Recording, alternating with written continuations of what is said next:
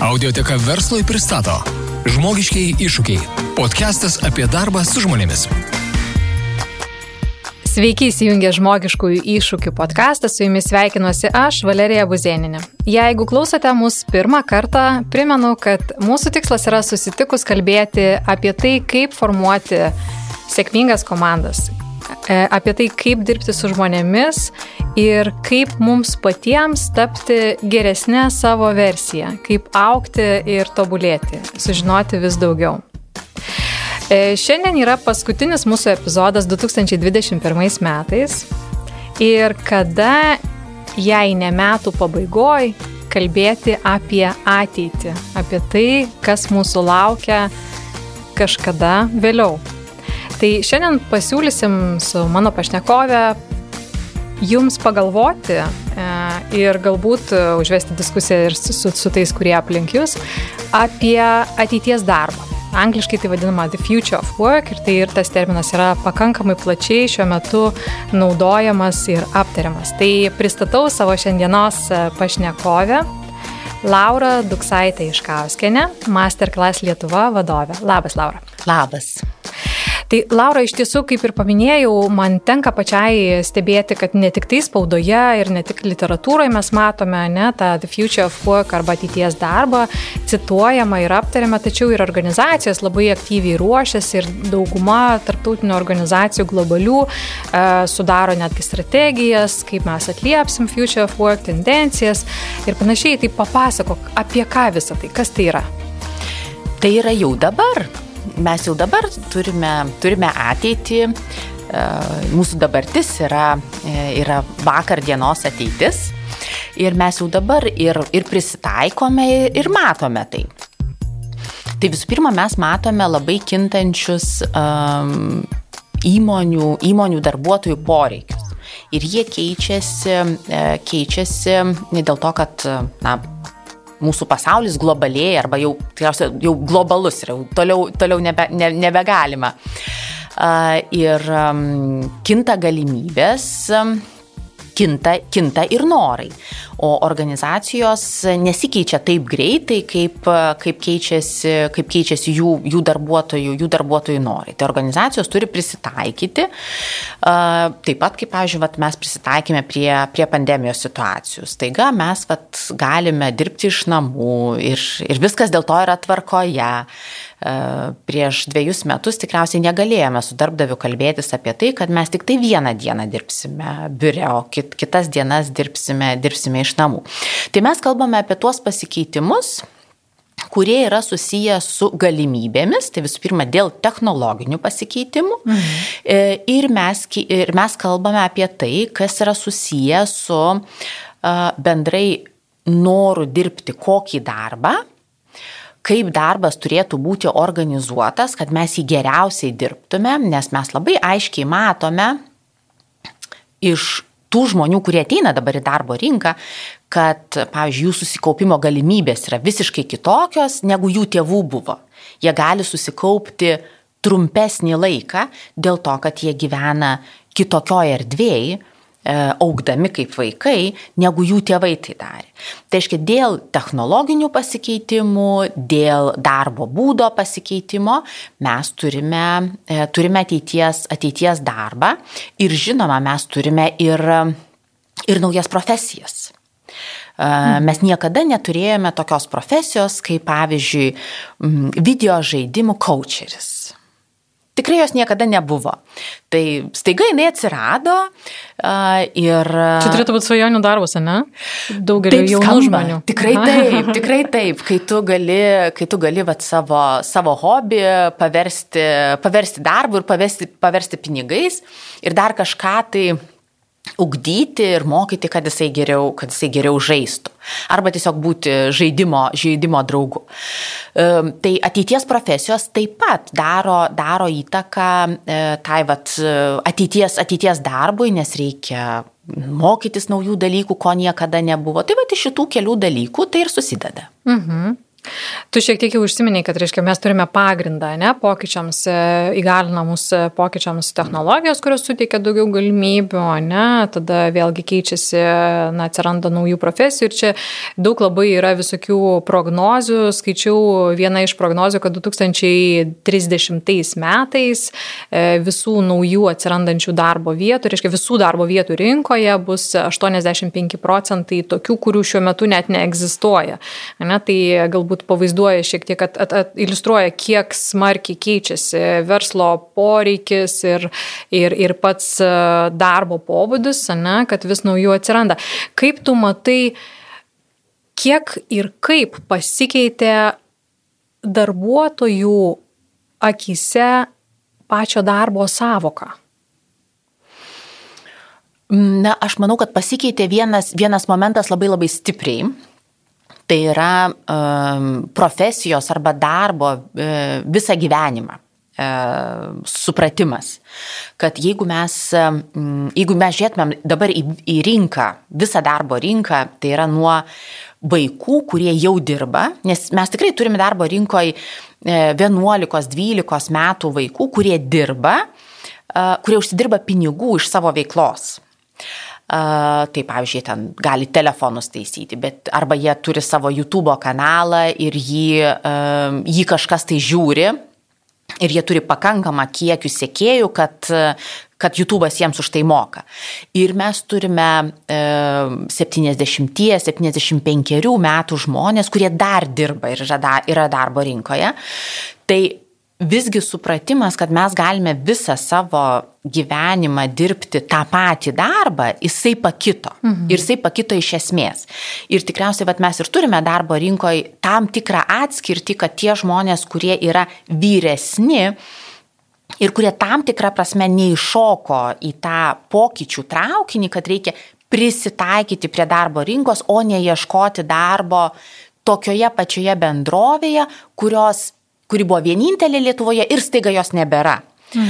Uh, tai tą jiems padaryti yra gana sunku, nes tą visgi padaryti profesinį pokytį nėra, nėra paprasta. Bet uh, ta karta, kuri ateina į darbo rinką, jiems yra uh, visiškai, na, ta alternatyva suprantama, kad prisitaikyti reikės nuolat. Ir va tai, apie ką mes esam kažkada tai kalbėję, kaip darbą, e, mokslą visą gyvenimą, jisai buvo kažkada labiau, labiau teorinis dalykas. Mes kalbėjom, kad nu, taip, taip yra, arba taip kažkada tai bus, bet tai yra dabar. Ir tas vat, mokymasis visą gyvenimą, jisai yra dabartinė realybė greta darbo. Ir va tai ir darbo savoka ir keičia iš esmės. Mhm. Bet tai reiškia, kad e, mes turime augdyti savyje tą norą keistis ir ieškoti ir leisti savo galbūt, na, ir tą didesnę laisvę, ne? nes e, kaip dažnai susidurdavo su kandidatais, pavyzdžiui, dirba ten 15 metų vienoje srityje ir tada staiga nori keisti sritį ir iš tikrųjų pagal mūsų darbo rinką tai yra nelengva. Ne? Taip. Tai čia ką mes turim suprasti, kad pats žmogus jau turėtų galvoti apie tai, kaip jis darys pokytį, kokį pokytį jis darys ir kaip jis yra pasiruošęs tam pokyčiui. Nes jeigu tu 15 metų investavai į vieną siaurą sritį, tada tau faktas, kad bus sunku e, pers, persiorientuoti. Ne? Tačiau jeigu tu nuolat dairaisi e, pomėgių prasme, įgūdžių prasme, ne, kompetencijos prasme, tada tas tavo lankstumas darbo rinkoje atsiranda didesnis. Ne? Tikrai taip. Ir Ir um, mes turim labai turėti, nu, vat, vieną supratimą, kuris mums, mums turi tiesiog, nu, vat, visiems būti, būti toks, nu, vat, aiškus, kad visgi mes esam patys atsakingi už savo karjerą. Kad e, niekas mumis tu nepasirūpins, tik tai mes galime patys, patys savim pasirūpinti ir kuo mes daugiau dedame pastangų, net jeigu mes tobulėjame ir vienoje kažkokioje tai siauroje srityje, nu, pavyzdžiui, paimkime uh, dirigentą. Tai kompetencijos augimas ir profesionalumas yra ypatingai svarbu šitoj profesijoje ir mes to tikriausiai ir, ir, ne, ir nebepakeisime. Bet mes turime, mes turime stryčių, kur, kur mes tikrai galime karts nuo karto savo žinias papildyti. Ir va tas gebėjimas papildyti ir būti atviru ir pačiam tą daryti. Esminis momentas daryti pačiam. Mhm. Nes labai dažnai, ką mes turime darbo rinkoje dabar, mes tikimės iš savo darbdavio, kad darbdavys pasirūpins mūsų augimu. Tai turime suprasti, kad darbdavys rūpinasi savo organizaciją, bet mes kaip, kaip dirbantis organizacijoje, mes turime labai aiškiai galėti pasakyti, kur aš, kaip Laura arba kaip, kaip Tomas, noriu eiti, kur aš noriu save, save matyti ir turėti iš tiesų partnerišką santykį su organizacija, augant kartu. Tai šitas momentas irgi jau ateina į darbo rinką ir dėl to kartais tie jaunieji darbo rinkos dalyviai, kurie ir ieško partneriško santykio, jie ne visą laiką yra labai patrauklus e, ir dažnai susilaukia kritikos, kad jie na, daug galvoja apie save. Per daug nori. Per daug nori, arba nori labai greitai. Taip. Bet tie žmonės iš tiesų dažnai ir deda pastangas į, į savo asmeninį tobulėjimą, kuris ne visą laiką sutampa su organizacijos, su organizacijos tikslais ir tada jie labai greitai pakeičia tam, kad jų tikslai sutaptų su organizacijos tikslais. Mhm. Tai va tokio, tokios paieškos jie, jie tikrai turi ir tą mes irgi matom rinkoje gana mhm. ryškiai. Mhm. Tai mes čia kalbėjom apie įgūdžius, ne? Bet e, ką aš dar matau, kad ypatingai, va, e, to, reiškia, mes jau taip nu, gerokai esam pažengę toj pandeminiai visoje situacijoje ne, ir jinai pakeitė darbo rinką gan smarkiai. Tai mes taip pat matom, kad pasikeitė mūsų savoka, kas yra darbas, e, kad tai nėra laikas nuo 9 iki 6, tarkim, ne, ir tai nėra fiziškai vieta, bet tai yra kažkas kita, ne. Tai atsiranda nemažai lankstumo ir ko gero ir tai pastumėjo visus prie tokios kitokios, kit, kitokio supratimo darbo, tai apie ką ir tu sakai, ne, kad, e, na, kad, kad aš pats pirmiausiai, kaip, kaip suvokiu e, darbą, tai kad tai, ką aš darau. Ir mes tada dar labiau judam tikriausiai link projektinio darbo, nes tol, kol man tai yra įdomu ir aš kuriu vertę ir pasiemu vertę, tai aš tai darau, tačiau e, paskui aš galiu nuspręsti kitaip. Tai yra darbas, mums visiems taiga pamažu virto iš įsipareigojimo laikui ir vietai į kažkokią vietą, kur aš ateinu susitikti su bendraminčiais, gauti įvertinimą, pasitvirtinimą ir tai, apie ką mes kalbėjom, mokytis ir ugdyti savo naujas kompetencijas. Ne? Ir čia galbūt vat, mūsų klausytojams labai rekomenduočiau pagalvoti, kiek spėja jūsų organizacija atsigręžti į tai. Nes šiai dienai yra nemažai žmonių, kurie išeina iš darbo ir pasirašo su tuo pačiu darbdaviu kitokį susitarimą, ne? Freelancina jiem. Nes šiuo metu yra taip patogiau derinti kažką arba galbūt keliem darbdaviam dirbti. Ir tada galbūt va, tu galėsi papasakoti iš savo parties, jeigu mes ieškom tik darbuotojo full time equivalent darbuotojo mes galim ir nerasti. Bet jeigu mes atsigręšim į kategoriją, kuri dirba kitaip, tai gali būti puikus sprendimas. Tai e, tu visiškai teisi ir mes, e, tikrai mūsų darbo rinka e, lankstumo per dviejus metus įgyjo tiek, kiek tikriausiai mes nepadarėme per dešimt metų. Bet tai tas pokytis irgi yra globalus. Ir jisai tiek organizacijoms, tiek, tiek darbuotojams yra labai, labai patrauklus, nes mes matome tendenciją, kad susitarimas su darbdaviu gali būti lankstesnis ir kad ne tik tai laisvosios profesijos arba menininkų profesijos gali būti teikiančios paslaugas, bet gali būti paslaugas teikiantis ir, ir kiti žmonės. Ir, ir apskaita gali teikti paslaugas, ir, ir finansų vadovas gali teikti paslaugas, ir, ir marketingo ekspertai lygiai taip pat. Tai tas momentas yra, yra ryškus, bet ir šita tendencija jinai, jinai sprendžia kitą problemą, tai sprendžia dažną kaitą.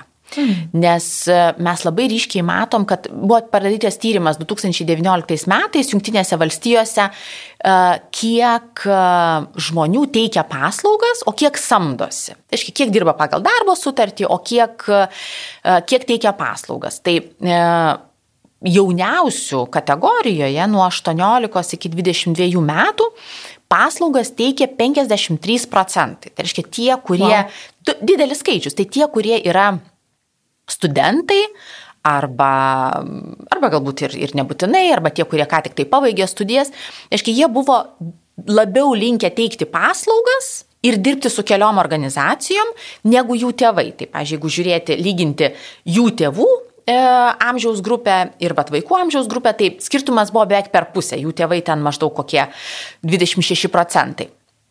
Tai tas skirtumas jisai yra labai labai labai ryškus ir tokiu būdu organizacija gali turėti ilgalaikiškesnį santykių su žmogum. Ypač su, su vat, jaunais, kurie ateina į, į darbo rinką, kurie ypatingai yra linkę, linkę greitai keisti darbą ir išbandyti, išbandyti kažką kito. O tai yra dėl dviejų priežasčių. Žmonės anksčiau pradeda savo, savo veiklą, negu jų tėvai tą darė, dėl to, kad jie turi anksti greičiau gali prieiti prie e, informacijos ir prie finansinių išteklių. Mhm. Ir jie gali pradėti savo verslą 12 metų uh, turi savo YouTube kanalą, 14 metų uh, galbūt turi keletą, keletą žmonių, su kuriais jau tą YouTube kanalą vysto ir taip toliau. Tai kuo jie anksčiau pradeda, tuo būdami vyresni ir atėję į darbo rinką, jie bus linkę teikti paslaugas, o ne ieškoti darbo ir, ir samdytis. Tai šitas momentas jisai irgi yra labai labai ryškus dabartiniai darbo rinkoje. Ir dar vienas, kuris, ką mums pandemija padėjo padaryti, kaip mes galime būti lankstesni, tai, tai samdyti globaliau. Taip. Ir tas globalesnis samdymas tai prasideda jau visų pirma e, valstybės e, ribose, kad net ir vat, gyvenant Lietuvoje mes galime pasisamdyti savo, pavyzdžiui, buhalterį, kuris gyvena kupiškyje. Arba tie žmonės, kurie išsikraustė e, iš Vilniaus, jiems nereikia mesti darbo.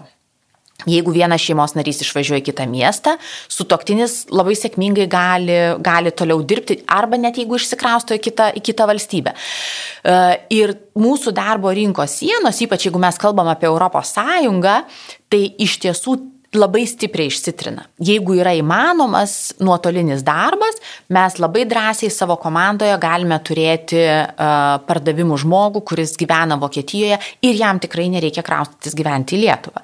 Tai eksporto galimybės tai dar labiau mūsų šalyje didina ir, ir tas, tas yra ryšku. Mhm. Bet čia svarbu suprasti, kad tai yra didelė galimybė mums praplėsti savo uh, samdymo ribas ir padidinti organizacijos lankstumą.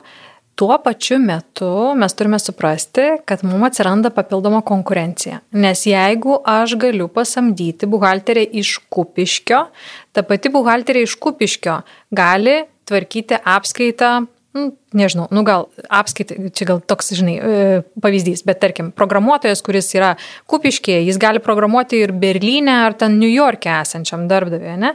Ir tada, kas jam labiau apsimoka, ne? Pinigais, procesais, projektais, visi tie klausimai irgi na, vat, konkurencijos atsiranda.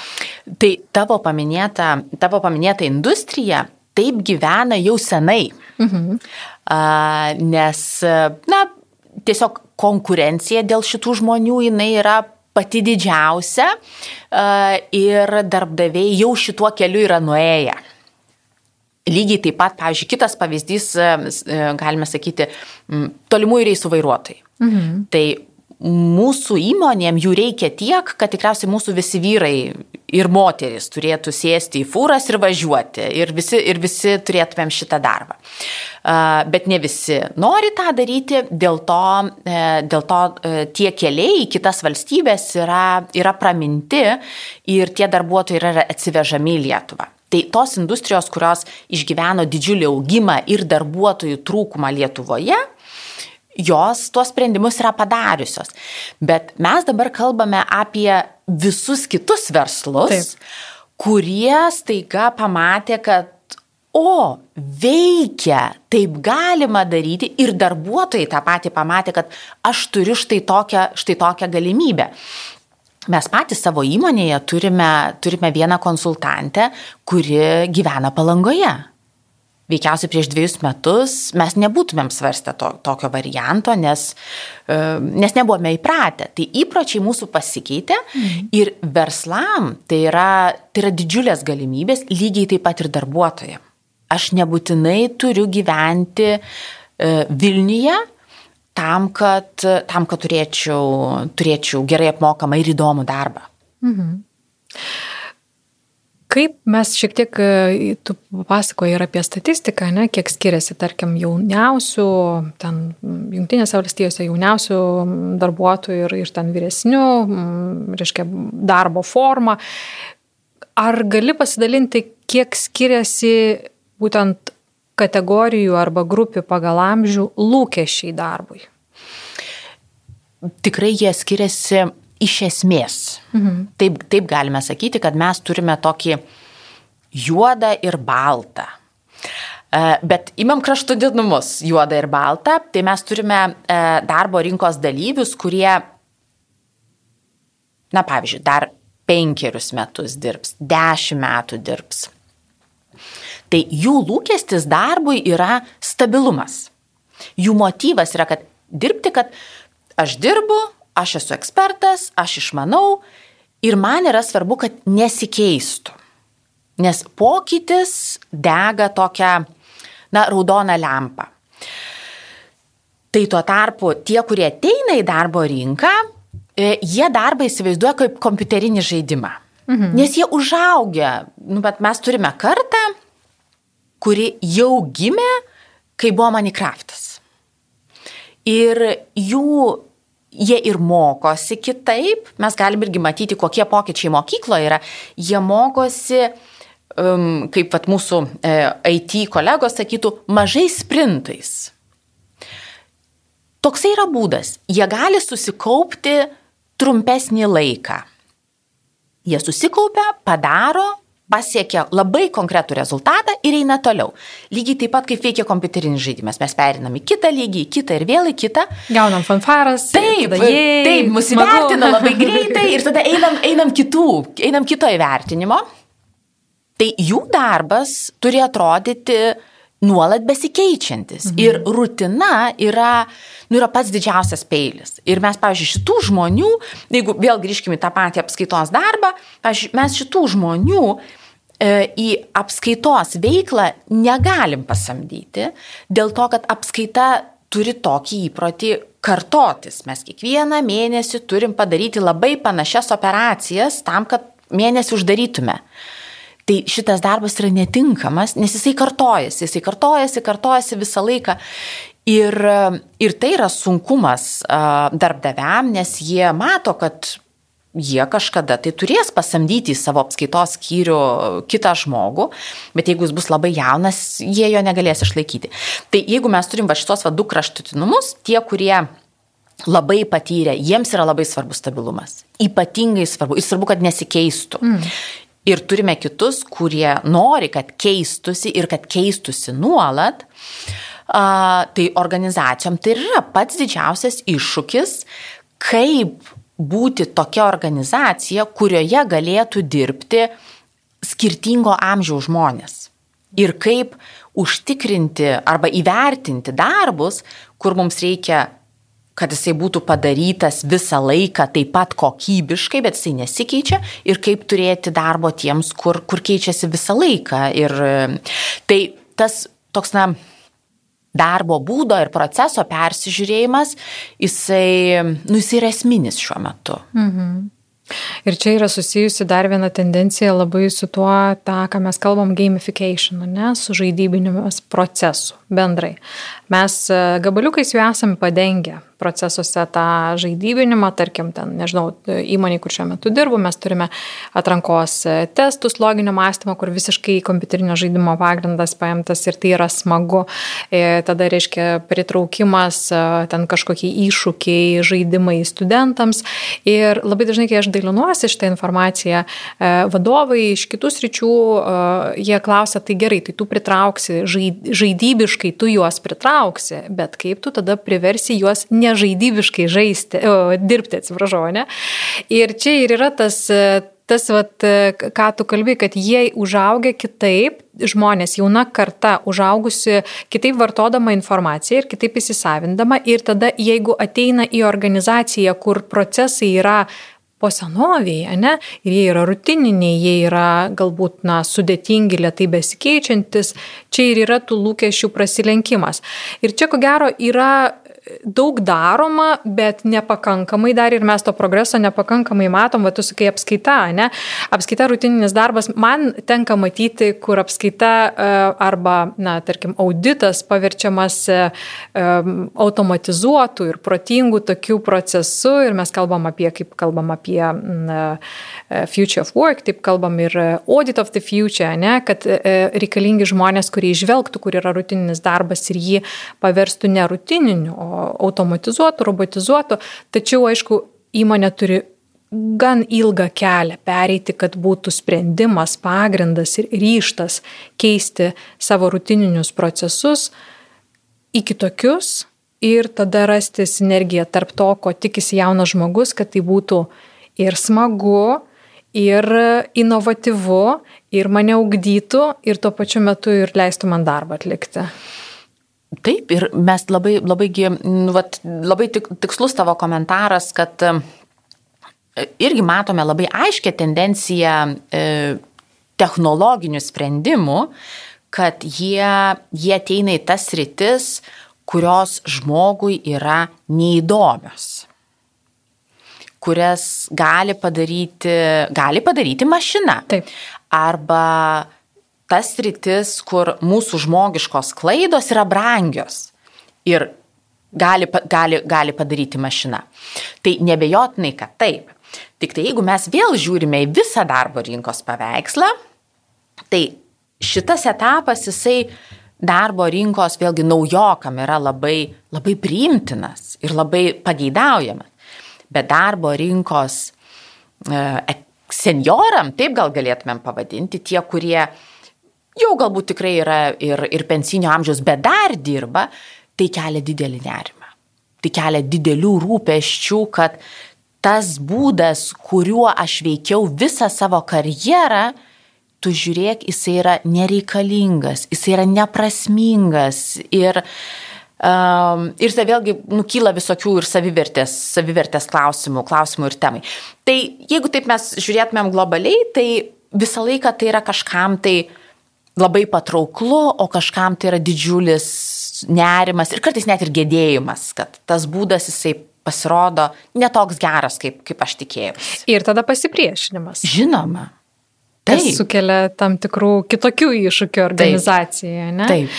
Tai žiūrėk, Laura, mes su tavim labai, taip aš dabar, kadangi blokais, taip susidėliot noriu savo paveikslą, tas ateities darbas, mes su tavim pakalbėjom šiek tiek, kad keičiasi uh, konceptas, kas atliks darbą, ne? nes tai nebūtinai samdomi darbuotojai, bet tai gali būti ir tie freelanceriai, tai gali būti pas paslaugas teikianti žmonės, tai gali būti uh, ten projektiniai kažkokie žmonės, tai gali būti subkontraktoriai, gali būti čia dabar, kaip mes turim tos gig workers, ne? jeigu aš dirbu visiems ir, ir patruputį, tai keičiasi ir iškia savoka, kas atlieka darbą.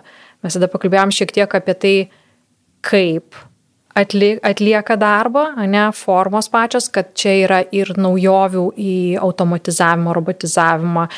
Ir taip pat mes palėtėm trečią, ko gero, bloką, kad keisis ir keičiasi dabar jau labai smarkiai ir dar keisis.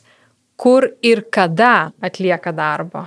Ne? Ir čia, ko gero, didžiausias gal netgi postumis įvyko, kaip tu sakai, nesvarbu palangoj ar ten karybose kažkur, jeigu aš padarau savo darbą, tai ir yra svarbiausia. Vat tas a, toks dalykas, kaip tu manai, kiek tai yra susiję dar su kitu dalyku, su išsilavinimu, su paruošimu, kiek mes esam pažengę e, pokyčiuose būtent ruošiant tos naujus specialistus. Kiek jaunam žmogui yra patrauklu eiti į universitetą ir įgyti vieną profesiją, tuomet jeigu aš žinau, kad Laura man pasakė, kad aš turėsiu ne vieną darbą per gyvenimą, o daug. Na, e, aš gal sakyčiau, vienas momentas, kuris truputėlį mums leidžia į tą e, studijų pasirinkimą žiūrėti šiek tiek mažiau įsitempus, kad mūsų pasirinkimas, kurį, kurį abiturientai padaro e, po 12 klasių, nebūtinai lemia mūsų, e, mūsų visą karjerą. Tai, kad mes, pavyzdžiui, renkame studijuoti ar socialinius mokslus, ar humanitarinius mokslus, ar inžinieringą, kad mums veikiausiai labai greitai teks mokytis vėl. Ir tai nebūtinai turi būti universitetas, tai gali būti kažkokios, na, labiau, labiau nišinės, nišinės studijos, tai tai nuo abiturientų nuima tokį, tokį stresą, kad dabar mes turim padaryti pasirinkimą visam gyvenimui. Ir jau kaip dabar padarysiu, tai jau, jau tikrai kaip, bet jau kaip čia pasiklosiu, tai jau čia taip, taip dabar išsimiegosiu. Tai taip nėra, mhm. kad iš tiesų mes turėsime vis prisitaikyti ir vis mokytis. Aišku, kad norisi labiau pataikyti į, į tendencijas ir tai, ką vyriausybės uh, siūlo ir ką, kam skiriamos didelės ir lėšos ir, ir informacinės kampanijos, kad mm, kad rinkitės IT studijas, rinkitės inžineringo studijas. Nu ir labai labai aiškiai, aiškiai duoda žinia, kad vat, mums trūksta čia nais. Uh, E, bet, e, bet mes matome, kad, e, nu, pažiūrėt, mūsų abiturientų pasirinkimai yra visiškai kitokie. Ir, ir jie prasilenkia su darbo, su darbo rinkos tendencijomis, nes mūsų geriausi absolventai renkasi studijuoti mediciną. Mhm. Ir tas pasirinkimas jisai yra netikėtas. Nes, nes gydytojai tikrai, tikrai nėra, nėra ta profesija, kuri kur ir pakeisti galėtum labai greitai, Tiesa. jeigu, jeigu sugalvoji. Tai nėra labai patraukli profesija darbo užmokesčio prasme, nes tikriausiai tie, kurie pasirinko studijuoti matematikos fakultete, jie antram kurse uždirba veikiausiai daugiau negu jų tėvai uždirba dabar. Tai, tai va tuos pasirinkimus žmonės vis tiek daro, nu, pagal širdį tikriausiai, taip kaip vat, jiems, jiems labiau, labiau norisi.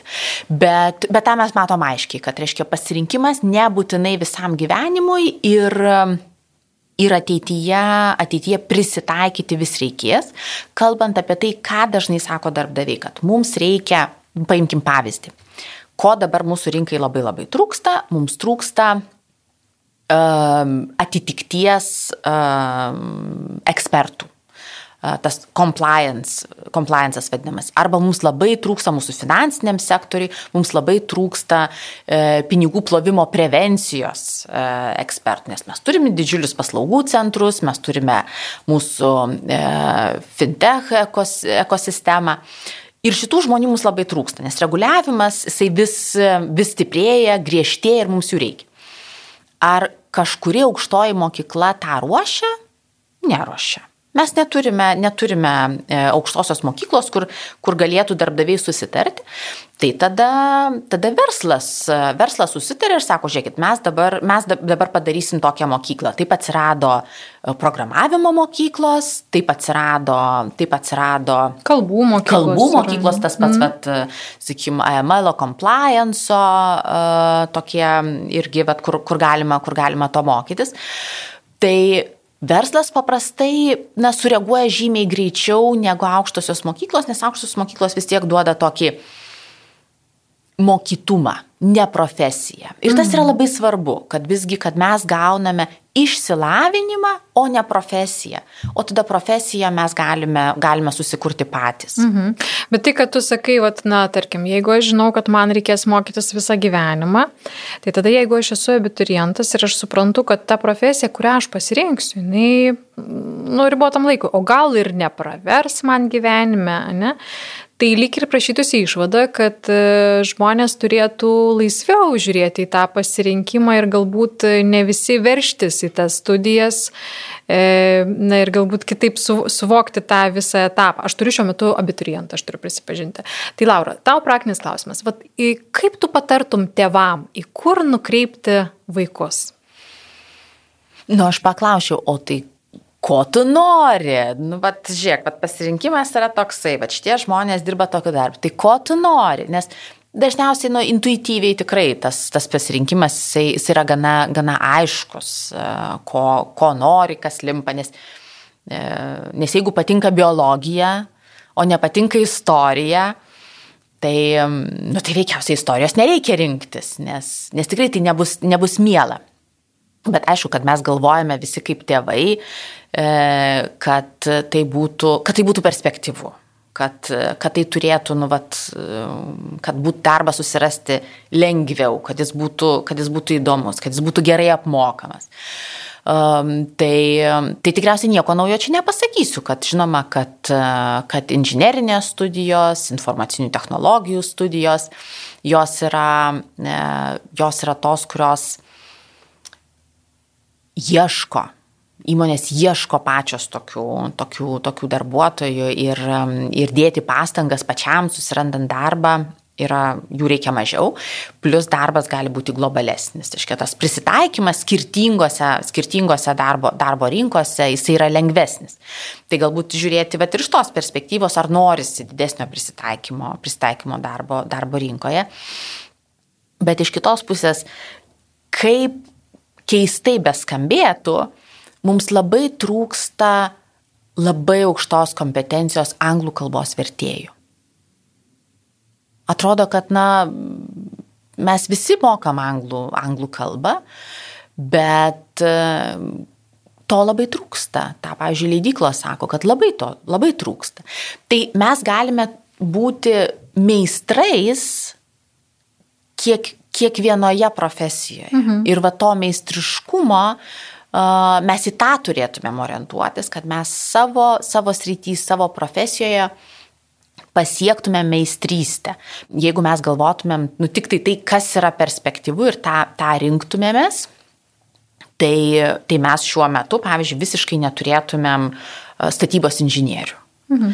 Nes 90-ais, 95-ais, tikriausiai iki kokių 2000-ųjų tai nebuvo darbo šitiem žmonėm ir mes sakėm, kad tai yra visiškai neperspektyvu, o kas yra perspektyvu?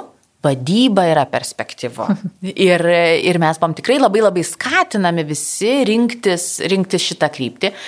Ir tą mes matom nu, iš valstybės politikos, kad valstybė labai aiškiai formuluoja uh, ir skatina rinktis, rinktis tai, ko šiuo metu trūksta. Mhm. Laura, grįžtant šiek tiek į verslo aplinką.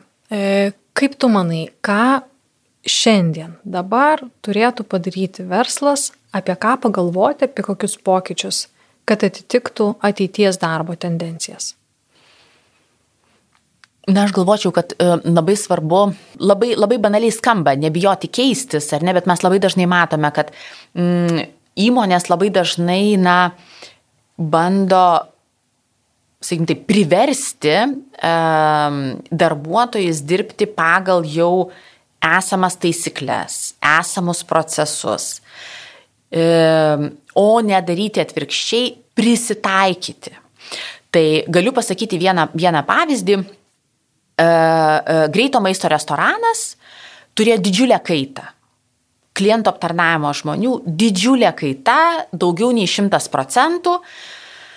Ir vietoj to, kad jie, na, pyktų ant tų žmonių, kad štai kokie jie nedėkingi, mes jūs priėmėme į pirmą darbą, o jūs dabar po trijų mėnesių išeinate, nes susiradote kitą, jie nusprendė, kad jiems reikia padaryti įvedimo procesą, naujo žmogaus įvedimo procesą per dieną.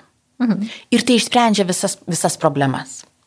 Ir ta organizacija padariusi įvedimo procesą per vieną dieną, štai kad mes per vieną dieną galime išmokyti žmogų, ir kitą dieną jisai gali dirbti su klientais ir tai nėra jokio skirtumo, ar tu dirbi antrą savo darbo dieną, ar tu dirbi 42 savo darbo dieną, tu dirbi lygiai taip pat gerai. Tu žinai, ką, ką, ką tavo darbė reikia daryti. Tai organizacijom tą reikia, e, tą reikia suprasti ir tą, aišku, daryti yra ypatingai sunku, nes tie žmonės, kurie daro pokyčius, uh, jiems jį daryti yra sunku, nes tas darbo būdas, kuriuo jie dirbo, jiems jisai yra priimtinas. Bet nepriimtinas dažniausiai būna jų kolegoms, kurie yra jaunesni, pavyzdžiui, 10, 15, 20 metų. Ir, ir va čia vad būna dažnai problema. Dėl to mes matome, pavyzdžiui, organizacijos, kurios yra sėkmingos, pavyzdžiui, startupinės organizacijos, kur visi žmonės yra to paties amžiaus. Ir tada jiems yra labai aišku, kad šitas darbo būdas mums visiems jis yra priimtinas. Bet jeigu mes turime organizacijas, kurios yra labai brandžios ir ten mes turime žmonių skirtingo amžiaus, mm, ir va tai, tai ką tu minėjai apie, apie audito e, organizaciją, tai kada mes turime priimti jaunus žmonės, mes turime suprasti, kad tas darbo būdas, kuriuo mes pradėjome dirbti, mūsų tėvai dirbo ir ateina, ateina kiti jaunesni 15-20 metų dirbti žmonės, jisai nebetinka. Ir tą, tą, reikia, tą tikrai reikia peržiūrėti ir tą reikia atkreipti didžiulį dėmesį. Mhm. Tai tas onboardingas jis tikrai labai svarbus. Aš dabar galvoju, kad nu, vienas iš tų dalykų, ką aš visą laiką pabrėžiu irgi, e, kadangi kaita yra didelė, tai tu turi užsitikrinti, kad graža greičiau ateitų iš to darbuotojo. Ne? Tai yra labai svarbu. Kitas dalykas, galbūt apie ką verta pagalvoti, apie žinių perdavimą. Ne? Nes vėlgi mes turime žmonės išsibaršius, mes nežinom, kas atliks mūsų, mums darbą, kur jis bus, e, kiek laiko jis skirs mūsų organizacijai ir kada jis dings iš tos organizacijos.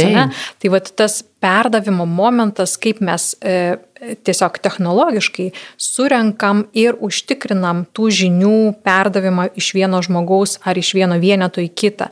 Kitas dalykas, e, išskirimas projektais arba komponentais. Ką aš turiu omeny, pavyzdžiui, e, turit žmogų, kuris sutinka dirbti jums dvi valandas per savaitę. Daug ar mažai? Lik ir mažai, ne?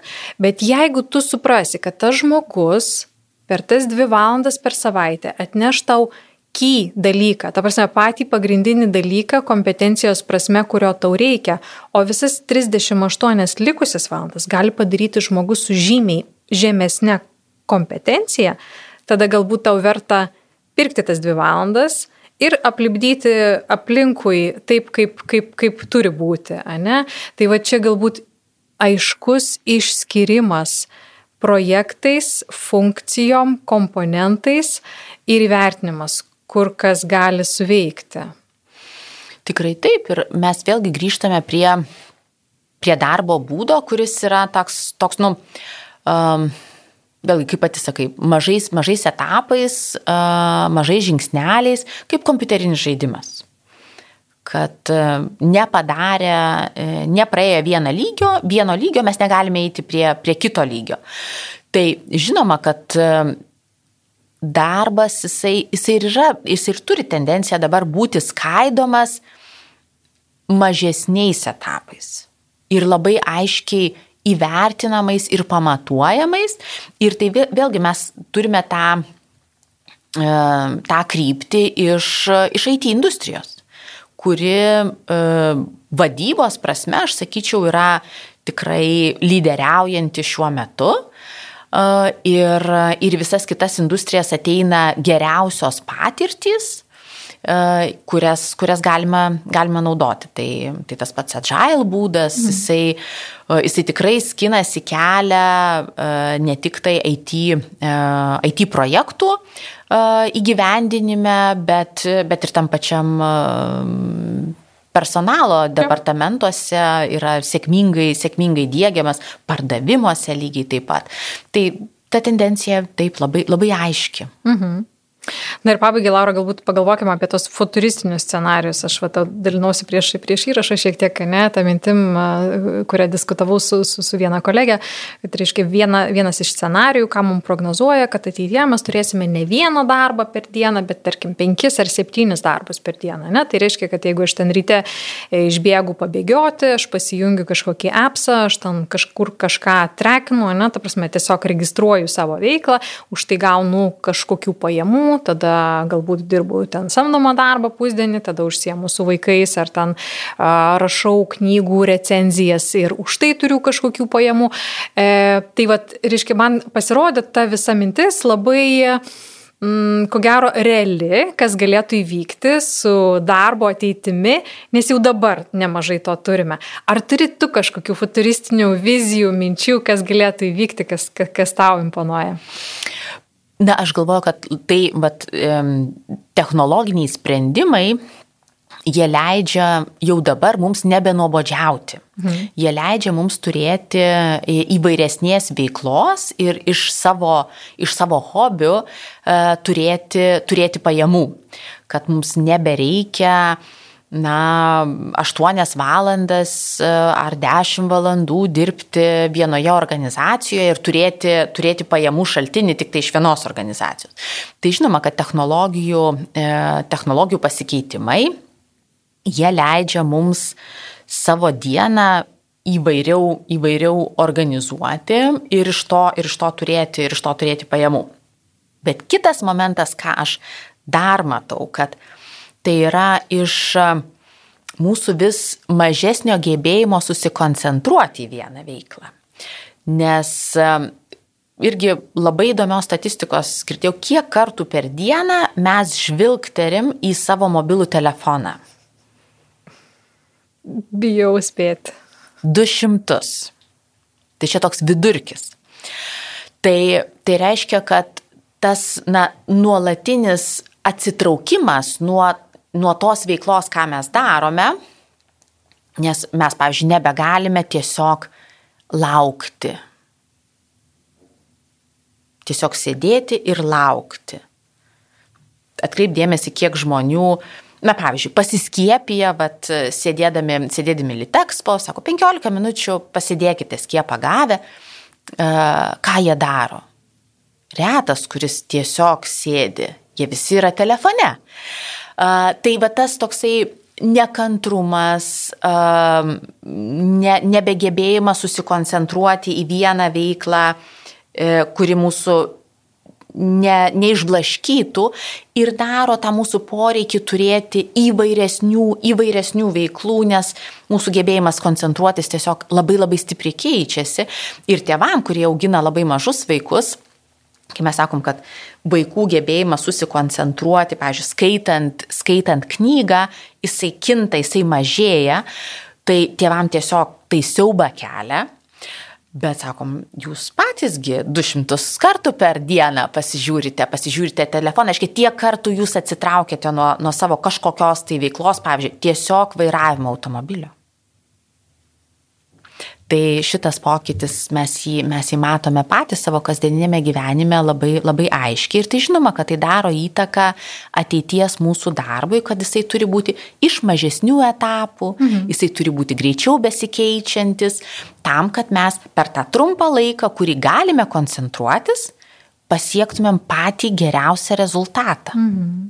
Mhm. Bet kita vertus, tai labai, jeigu tu orientuojasi skirtingus dalykus, tai ir rizika šiek tiek paskirsto. Ne? Tikrai Tau, taip. Kaip darbuotojai. Žinoma. Nes jeigu nepasiseka viena veikla, tu gali persijungti ir, ir tada judėti su kita veikla. Tai sakyčiau, kad tai ne tik tai nuoboduliui praskaidrinti, tačiau ir ir finansiniai rizikai, ir, ir veiklos testinumo rizikai, tokiais dideliais žodžiais kalbant.